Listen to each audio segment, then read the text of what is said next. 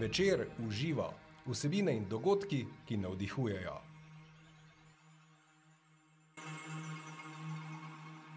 Dobrodošli in dobrodošli v novi epizodi podcasta Večer uživa.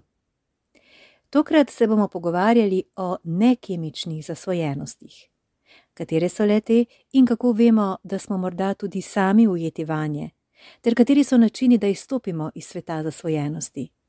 Zanimalo nas bo tudi, zakaj sploh vstopamo van. Odgovore na ta vprašanja bomo v naslednjih minutah nizali strokovnjakinjo, psihoterapevtko, zdravnico in avtorico sedmih knjig o nekemičnih zasvojenostih ter ustanoviteljico in vodjo zavoda Sprememba v srcu, dr. Sanjo Rozman. Dobro jutro ali dobro večer. Dober dan, kak, ja, tako. Mi, mi dve se pogovarjamo zdaj zjutraj.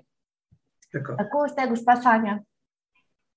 V redu, hvala. Lepo se je začelo, da imamo ta dan narediti, da bo produktiven in Tako. lep. Tako. Se lahko sami odločimo, da si naredimo tak dan. ne? Ma- Imamo, imamo to moč, bi lahko rekli. Vedno imamo to moč. Mislim, da je to tisto, ko se odločamo vsakeč, ko sprejmemo katero koli drugo odločitev. Um, se pravi, o nekemičnih zasvojenostih bomo govorili, ko sem brskala za podatki o tem. Um, ogromno jih je, se mi zdi, da se seznam kar nekako eh, širi, sploh s pojavom teh uh, socialnih omrežij oziroma tehnologije sodobne. Um, tu zasledila sem definicija nekemične zasvojenosti, da gre za bolezen. Hkrati pa tudi opazila oziroma prebrala, da pa so lahko nekemično zasvojeni tudi zdravi ljudje. Pa me zanima, kaj zdaj to pomeni, kdaj gre za kemično zasvojenost, oziroma kateri so tisti um, kriteriji, ko govorimo, da gre za to vrstno zasvojenost. Ja, to je malo nerodno rečeno. Če je to bolezen, potem ti ljudje niso zdravi. Mhm. Vendar to ni bolezen v takem smislu, kot je recimo sladkorna bolezen, ki je pač telesna, telesni vzrok za to. A To je bolezen, ki nastane zaradi česa, kar ti eh, na začetku sam počneš kot izbira, Mhm. in šele sredi ne, vidi se nikjer, kdaj, niti, eh, kdaj je tista prelomnica, postane to tako utirjeno v tvoje možgane, da izgubiš možnost izbire, ali boš to počel ali ne, in takrat temu rečemo bolezen. Mhm. A, Se pravi, odgovor je, tisti, ki imajo bolezen, niso zdravi. E, Mogoče tukaj še besedo o tem, e, kaj je bolezen, se odločajo zdravniki v takih, bom rekla, velikih sestankih, kjer se morajo argumentirati, kaj je. In, in te stvari vedno potekajo eh, za časom tistega, kar se v resnici dogaja. Recimo, ko sem jaz začela o teh stvarih pisati pred 30 leti, eh, je bilo rečeno, to niso bolezni, to je kar nekaj, ne mogoče motnje, osebnostne motnje ali pa motnje hranjenja ali pa kaj takega.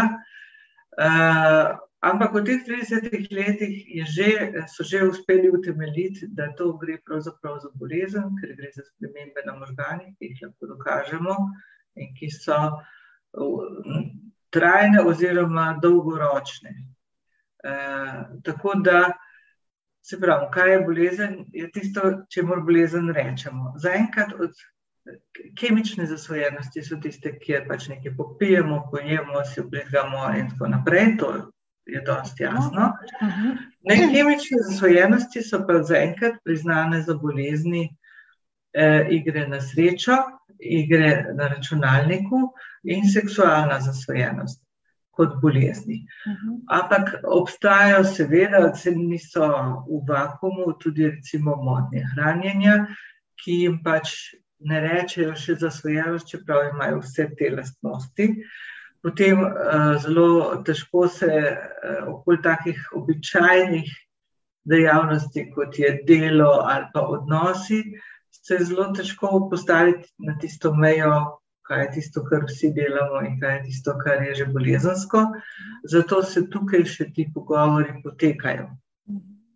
Um, tako nekako ste me vprašali, če so lahko zdravi zasvojeni. V bistvu so zasvojeni, če temu ne rečemo zasvojenost, rečemo motnje hranjenja, pa imajo vseeno to bolezen. Je rekel Shakespeare, kaj je to v imenu, kar naredi spremembo. Ampak dejansko, ko rečemo nečemu bolezen, se začnemo obnašati, kot da so ti ljudje bolniki in da bi morali dobiti pomoč. Če pa temu rečemo, pač neki ljudje so uh, deloholiki, ki je že skoraj tako, kot bi rekel, malo preveč delajo, ampak se so pridni. Pohvala, skoraj ne. Ja, pohva, v Sloveniji. Ja. To, s tem dodatkom. S tem dodatkom. Ja, uh, potem pa temu ne pripisujemo te pozornosti, ki bi jo potrebovali ti ljudje, da bi lahko s tem nehali. Uh, če malo pogledate okoli po časopisih, boste videli, da imamo epidemijo izgorelosti. Uh mhm. To je lahko tudi ena reakcija na to, da se na eni strani dela ne bom uporabljala besede preveč, ampak z namenom, da ne bi čutil, kaj te muči, potem pa uh, greš preko tiste meje in ne, uh, prideš do stopnje, ko ne moreš več. To je taka peklinska gugalnica, tako so tudi eni ja. od svojih knjig dala ime, ki nihaš med preveč in čisto nič uh mhm. -huh. in ne moreš najti srednje poti. Uh mhm. -huh. Večina slovencev soočenih z alkoholikom, reče: Zakaj moraš preveč piti, zakaj ne moreš zmerno, tako kot mi. Ne? Ta, to sposobnost za svojenje trajno izgubijo, in zato je to problematično, ker jih to odnese v raznih socialnih situacijah, bistveno predaleč. Kaj bi potem rekli, uh, gospa Sanja, dobro ste, mislim, tudi dali um, to besedno zvezo, oziroma istočnico v smislu, da, um, da si ne priznamo, da nas nekaj muči. Se pravi, da je neka aktivnost, ki je lahko pretirana. Uh, tako, v tem primeru govorimo o zasvojenosti. Je zasvojenost torej neke vrste beg, umik. Ja, umik, uh, rešitev, ki postane problem, uh, anestetik, analgetik, nekaj, da bi nam popivnalo veličino, predvsem tesnobo, nekaj, zaradi česar uh, bi na mesto, da bi rešili problem, včasih se kakšen problem ne da rešiti. Mhm. Potem pa vseeno nas muči. In uh, to je situacija, v kateri lahko ugotovimo, da nam pomaga, če se z nečem zadanemo, s čim koli, kar pa če pri roki. Ne. Uh, zdaj, ne kemične zasvojenosti so problematične, predvsem zato, ker, uh, a veste, to situacijo, ki sem jo opisala, da včasih problemov ne moreš rešiti. Uh mhm. -huh. To situacijo imajo otroci, ki odraščajo recimo v družini, kjer je oče alkoholik ali pa mama, uh, te drugi starši. Tudi se ukvarja samo s tem, kako bi tega prvega odrešil in spremenil. Otrok ostane čustveno zapuščen in v hudi stiski. In storilci tega so njegovi starši oziroma njegovi najbližji. Uh mhm. -huh. V tej situaciji otrok, recimo šest let star, je realno ogrožen. Ni dvoma. Uh, ne more nič spremeniti, ni dvoma. In ne more oditi, ni dvoma. Preden bo lahko odšel, bo to minila še dve njegovi dosedajni življenji, če zdaj star šest let. Uh mhm. -huh. Se pravi, to, to je ne vidi luči na koncu tunela. In potem pride domov, se usede pred televizijo v praznem stanovanju in začne basati sladkarije ali pa čips, ki je na mizi, in si tako prečara občutek neke polnosti, prisotnosti topline. V tem trenutku je naredil nekaj, kar mu je rešilo situacijo ampak to bo moral ponavljati grozno dolgo, in medtem bo pozabil vse druge mehanizme, ki jih imamo, eh, da si pomagamo, kadar nam je hudo, ker je to, to prevzelo, ne, to bo najmočnejše. In tako nastane zasvojenost. Mi ne gledamo uh, na zasvojenost, kot da je to nekaj, kar nastane v zgodnjem otroštvu. Uh mhm. mi gledamo na to, da je nekaj, kar se je zgodilo, ko so naši mulci na cesti padli v slabo družbo. Ja. E, do takrat je že marsikaj narejeno. Družine so tiste, kjer se preventiva lahko dogaja. Ker če, če odraščaš v taki družini, imaš na štartu omejene možnosti, kaj od tega, kar imaš potencial, boš lahko razvil. Realno. Zato zasvojenosti v bistvu služijo kot neke vrste ki utopi vse skrbi v teh prsih v vodi, se pravi, neke vrste psihično pomagalo, da se pred stvarmi, ki so nam prehude, umaknemo, pa jih nočemo videti. Seveda pa svet gre naprej, stvari se stopnjujejo, postanejo prevelike in zato je treba vedno več, vedno več. Nova in nova sredstva, ta otrok je zdaj star šest let, bo enkrat star deset let, doma bo kar je oče, alkoholik, alkohol vedno na nekje, mhm. vzorc, kako se vede tudi, in potem bo dodajal. Potem bo pri 30 letih nastal problem alkoholizma, ampak vmes je minilo 20 let, ne? ko nismo nič videli. Ja.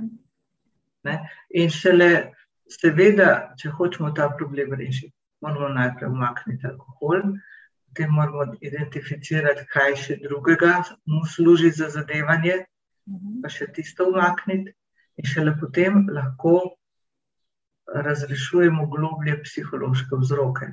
Mhm. Zato, ker z nekom, ki je zadet, se ne da psihoterapija delati. Kot veste, vsi slovenci vemo, da se z nekom za šankom ne da pretirati ker ne bo imelo nobenega učinka. Ja. Se to me zanima, pardon, se pravičujem, kaj pomaga tistemu, za katerega recimo našemu bližnjemu ali pa nekomu, ki ga poznamo, za katerega pač zaznamo, da so neka odstopanja oziroma da bi lahko šlo za, za to vrstne zasvojenosti, pa si sam tega ne želi oziroma si ne prizna. Včasih nekateri rečejo, eh, se jaz lahko neham piti, kadarkoli, ne vem, bom. Igre na srečo, igrati, lej, to je ja. pod kontrolo, ne? Ja, pa da je, pa nekaj. Ja. Tri mesece, šest mesecev. Uh mhm. -huh. In če ne boš imel nobenih težav pri tem, in če ne boš to nadomestil z nečim drugim, pa ti verjamem, da nisi zasvojen. Če pa ne, ima pa problem. Zelo dobro ste tole rekli, da ne boš tega nadomestil z nečim drugim. Ne? Najlažje je nehati eno zasvojenost, tako da jo nadomestiš z drugo, kakšno bolj nevidno, kot je recimo cukor.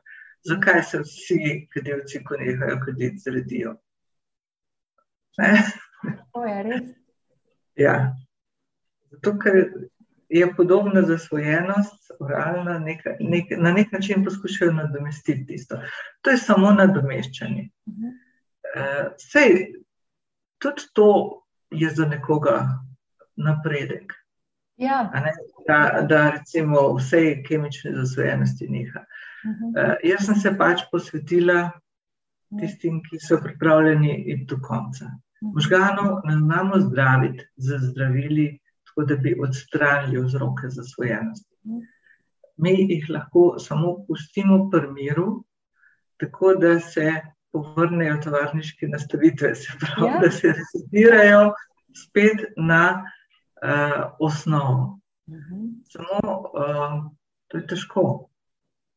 Zato, ker, uh, zato pa govorimo pri okrevanju od zasvojenosti v letih. Če bi bilo dovolj samo razumeti to, kar sem vam zdaj v petih mm. minutah razložila, potem bi vsi ozdravili, že ko so mojo knjigo prebrali. Ja. Ampak temu ni tako. Možgani, tiste, v možganih imamo neke poti, ki ja, služijo temu, da doživljamo užitek, eh, ki, da doživljamo vem, zadovoljstvo, da doživljamo strah. To so neke nevrološke poti. Uh mhm. -huh. In tiste poti, po katerih se veliko krat pelje impuls, uh mhm. -huh. tiste postanejo avtoceste. In tiste poti, ki jih zanemarimo, postanejo, kje so tiste stezice, ne, uh, ki so včasih bile. Ja. In mi lahko ozdravimo možgane samo tako, da nikoli več se ne peljemo po tej avtocesti. Potem jo bojo zaprli čez čas ali pa ne, vse zožali. To je tudi odgovor na vprašanje, eh, ali se da čisto zdraviti. No, to je. Ja, No, predstavljajte si, da je uh, ena od stvari, ki ni zasvojenost, pa deluje na podoben način, uh, da je avtomatska, uh -huh. je mhm. recimo vožnja avtomobila. Ja, avtomatizirano. Kak se spomni, ko se, usede, uh, ko se prvič usede v avto, kako je bilo vse to komplicirano, vse te stvari, ki jih moraš pritiskati, pa gledati nazaj naprej. Ja. Da, se pa lahko pripeleš iz enega konca Slovenije na drugega, in se sploh ne spomniš, da, da upravljaš avto, ampak mi sklepetaš, upam, da ne eh, telefoniraš. Uh mhm. -huh. eh, skratka, vse eh, poslušaš muziko, sploh ne misliš na to, se, telo samo vozi. Eh, predstavljate si, da je na isti način. Se postane zasvojenost avtomatska, In da že ti, ko rečeš, ne, ne bom ta druge kremšnite, je že usta nosiš. Da, na ta način izgubim eh, zasvojeni možnost izbire. Ne? Zdaj mi pa povejte, koliko časa bi morali ne voziti avto, da bi pozabili, kako se vozi avto. Pa, pa ne sedeti zraven nekoga, ki se vozi v avtu pa ne gledati po televiziji, kako nekdo vozi avto, pa ne sanjariti o tem, kako nekdo vozi avto, da bi se to pozabilo. In tudi potem, ko 20 let niste sedli v avto, uh, pa sedete, boste čez 10 minut vozili. In to je odgovor. Te poti so v možganjih pri zasvojenem trajno spremenjene. Mi lahko z abstinenco dosežemo, da pride do obvladljive eh, stopnje, da se da eh, pač abstinirati. Uh, hkrati si moramo pa seveda pomagati tudi s tem, da nimamo glih alkohola v hladilniku, ne? Da, da ne hodimo na zabave, kjer se piva. Uh, ampak tega, te, tega, kar smo se enkrat naučili, pa ne izbrišemo. Zato je treba tukaj trajno imeti kontrolo. Verjetno edini ljudje v Sloveniji, ki abstinirajo, so zdravljeni alkoholiki. Ja. Tako, uh, tako je to pri nas običajno. Oni morajo, ker so drugače v življenjski navadnosti. Gospod, se ne razumem, če zdaj pogledamo, obstaja jaz pa kdo, ki mogoče nima kakega odklona, zdaj razmišljam. Vsi me vprašajo, pa smo vsi zasvojeni. Ja, ne, to me zdaj. Kaj so včeraj počeli v hladilniku po desetih urah? No, ne sem za alkohol, tudi za kaj drugega, ne vem. Uh, ja. ja, definitivno zasvojenih je mogoče 10% ljudi, pa še Aha. to je ogromno, če pogledaš celotne populacije. Ja. To je ogromno, to je velik socialno-medicinski problem, pa tudi družbeni problem. Uh mhm. -huh. Ker ti ljudje imajo tudi kakšno družino, imajo ženo, imajo otroka, pa smo pa hitri. Uh, ena študija, ki je uh, pogledala skupaj za, uh, kemične zasvojenosti in nekemične, enajst različnih, teh naj, najpomembnejših, in je hotela ugotoviti, koliko ljudi ima s tem probleme, je prišla do, eh, pa, pa je zelo dobra študija na ogromno ljudi, eh, je prišla do eh, številke 47%, vsak te drugi. Mm. Veliko več ljudi je pa nekako na poti tja. Da mogoče malo s tem igra, mogoče še niso čisto izgubili kontrole, ampak že to, da ješ, če si v stresu, tink, ali pa da moraš takrat cigareto prižgati. Zasvojenost ne pomeni, da nečesa delaš preveč, ampak da to delaš zato, da bi si svoje čustva pomiril. Tesnobo in čustva pomirjamo s kemijo in s nekemičnimi. In to se nam zdi čist nedožno in smiselno. Samo uh, pri ljudeh, ki imajo recimo če se ti enkrat na šest mesecev zgodi, da si tako živčen, da greš pojesti celo čokolado, ni nič hudega. Uh mhm. -huh. Če imaš pa recimo zunani vir tesnobe, recimo, kaj se jim alkoholizem v družini, ali pa notranji vir tesnobe, se pravi, bil si otrok alkoholika in nosiš v sebi še vse tiste spomine, ne predelane, ne prežvečene, ne integrirane v svojo psiho, potem moš pa skozi. In to pelje tja, da na nekje na neki ne, točki premici se ta zadeva avtomatizira in ti zmeri kot tvoja, tvoj nemir ali pa tvoj stres, tvoja uh, jeza, tvoja žalost doseže stopnjo tam, mi ocenjujemo od 0 do 10, pa rečemo tam pri šestki, avtomatsko zaviješ v hladilnik, da boš nekaj vzel. Takrat uh, imaš problem. Uh mhm. -huh. Eh, kaj pa recimo vi svetujete, da te, bom rekla, neke napete momente ali pa neugodne situacije, kako jih pa to na nek način zdravo ublažiti ali pa uravnovesiti?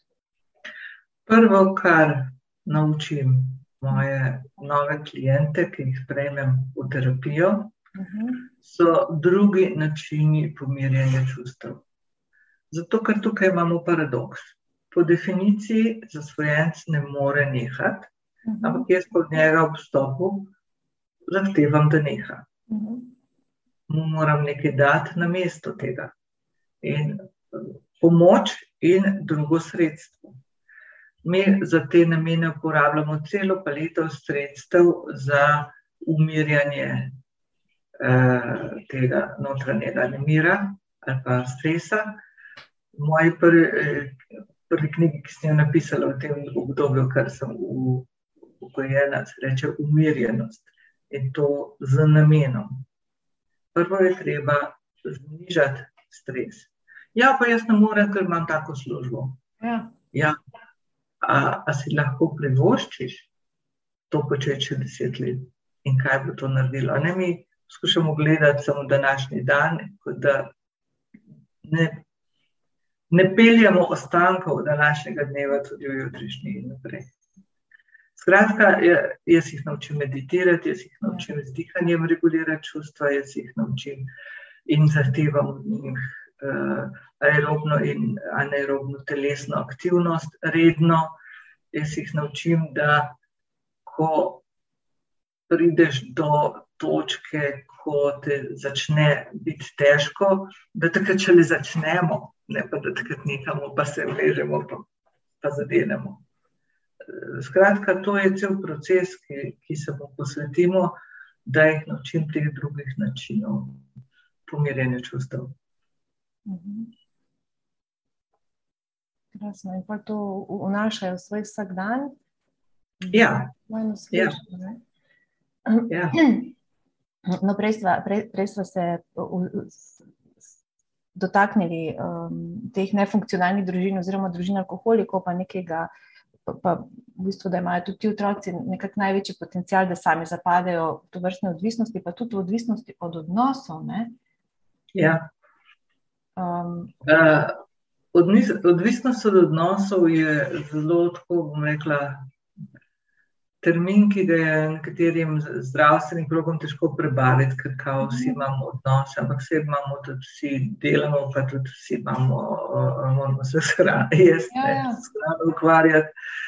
Skratka, uh, zdaj se uveljavlja en termin, uh, ki se mu reče kronična posttraumatska stresna motnja ljudje mogoče že malo vejo, da je posttraumatska stresna motnja, če nekdo, ki je doživel nekaj hudega, tudi po šestih mesecih, še vedno v nekih podobnih okoliščinah, eh, doživi panični napad, eh, lahko tudi ima kakšne eh, privide, prisluhe ali pa.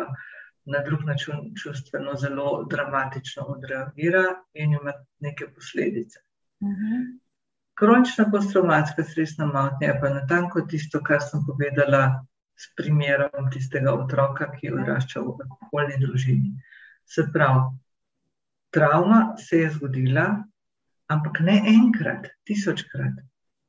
Vsakič, ko je prišel oče domov, čustveno nedostopen ali pa celo v kasnejših fazah, alkoholizma, tudi nasilen ali pa uh, psihično nasilen. Ne. Vsakič je otrok doživel travmo. To je prva oteževalna okoliščina, bilo jih je na tisoče. Druga oteževalna okoliščina. Otrok ni pomajšan odrasel. Možgani se do konca razvijajo po 20 letu. Šestletni otrok nima resursov za boj proti travmi, in je pravzaprav tako narejeno, da bi morali starši namest njega prestreči te udarce, mhm. ampak starši mu jih zadajajo na mestu. Druga oteževalna okoliščina. Da. In tretja je ravno to, da uh, dobiva te udarce, psihične ali fizične, od ljudi, ki so mu vir ljubezni. -huh. Ker če te udari nekdo, ki je sovražnik, je to veliko lažje sprejeti, kot pa če te udari nekdo, ki ga imaš srčno rad. In to je zdaj kronična posttraumatska stresna motnja, in ti odrastejo v odvisnike od odnosov. Za, za isto skupino je tudi včasih ime, moče malo ožje, uh, odrasli otroci alkoholikov. V strokovni literaturi se to ja. uporablja kot naziv. Uh, meni se je zdelo odvisnost od odnosov bolj uh, obsegajoč. Upam, da bo v času sprejet ta termin tudi v medbolezni, zato ker veliko ljudi za tem uh, boleha, oziroma to je tudi rekla, podlaga za to, da ti da te to ne bi bolelo, potem razne zasvojenosti uporabljaš. Tako kot recimo je posttraumatska stresna motnja pri vojnih veteranih uh mhm. -huh. povzročila, da jih se je ogromno zapilo ali pa zadrugiralo. To, to so proučevanje na vietnamskih veteranih. Tako da uh, odvisnost od odnosov je širši pojem, uh, za mogoče. Ne, ljubezen je tudi širši pojem. Ljubezen tudi. Rekovaj, ja. Kot ljubezen mi doživljamo uh, seksualno ljubezen, zaljubljenost, uh, navezanost, tudi recimo patološko navezanost na ljudi, ki so skrajno škodljivi na nas, kar je čisto posebno poglavje. Uh mhm. -huh. In vse, vse to so oblike, pojavne oblike odvisnosti od odnosov. Se pravi, če vam to narišem kot eno sliko, odvisno od odnosov je lahko nekdo, ki je skozi zaljubljen, samo ja. ona ni zvesta. Ne, se menja na dva meseca. Ja. Lahko je to nekdo, ki uh, se oklepa svojega partnerja, čeprav mu ta uh, tega ne vrača, da zalezuje, da se strašno boji najbolj na vsem svetu, da bi bil zapuščen. To je ena oblika. Ena oblika je, so ljudje, ki so partnerji, recimo, za svojencem, uh -huh. ki jih enostavno poskušajo spremeniti, tako imenovani soodvisniki. Uh -huh. uh, potem je uh, podobno temu oblika, biti, temu včasih rečejo, štokholmski sindrom. -huh. Se pravi, ko, ko si nenormalno navezan na nekoga, ki je do tebe zelo škodljiv, nesramen, nasilen, celo, pa ga ne moreš pustiti.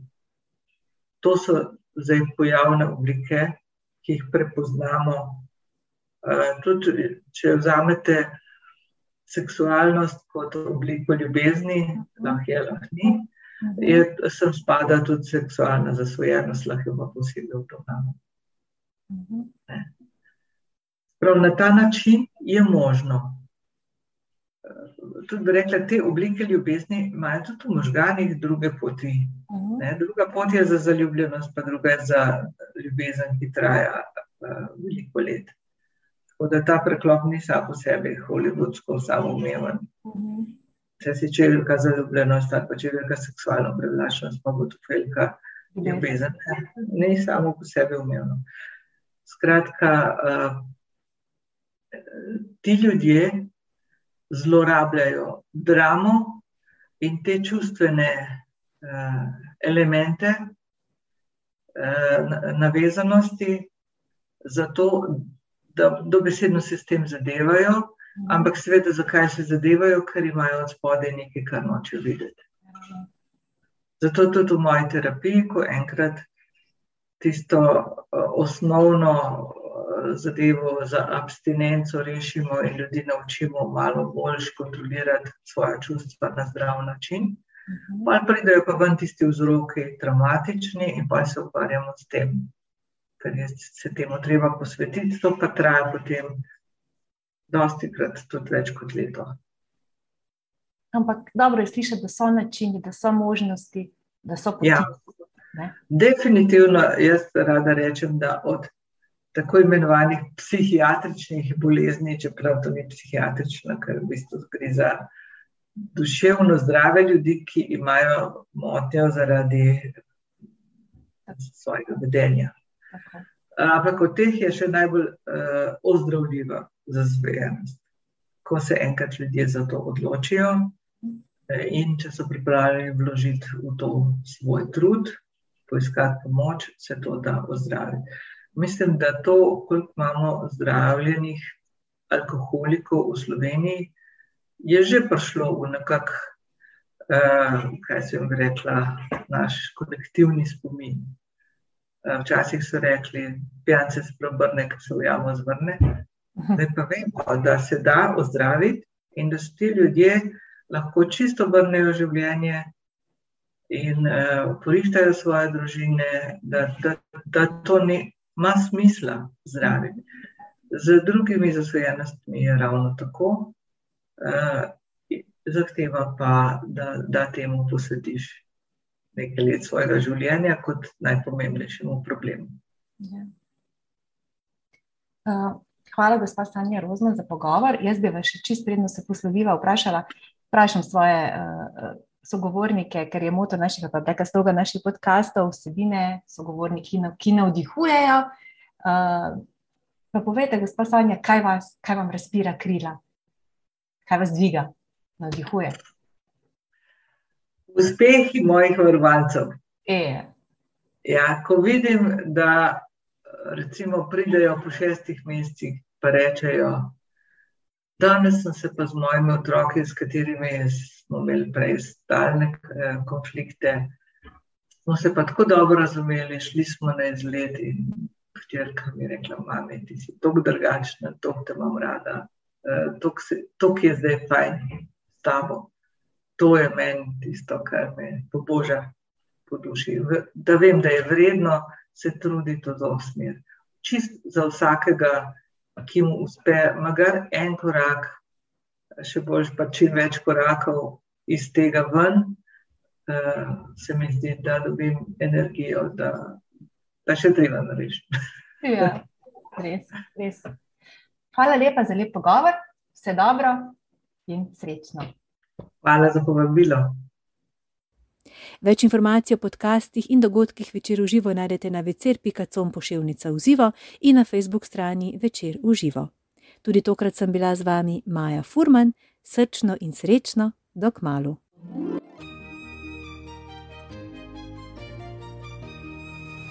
Večer v živo, vsebine in dogodki, ki navdihujejo.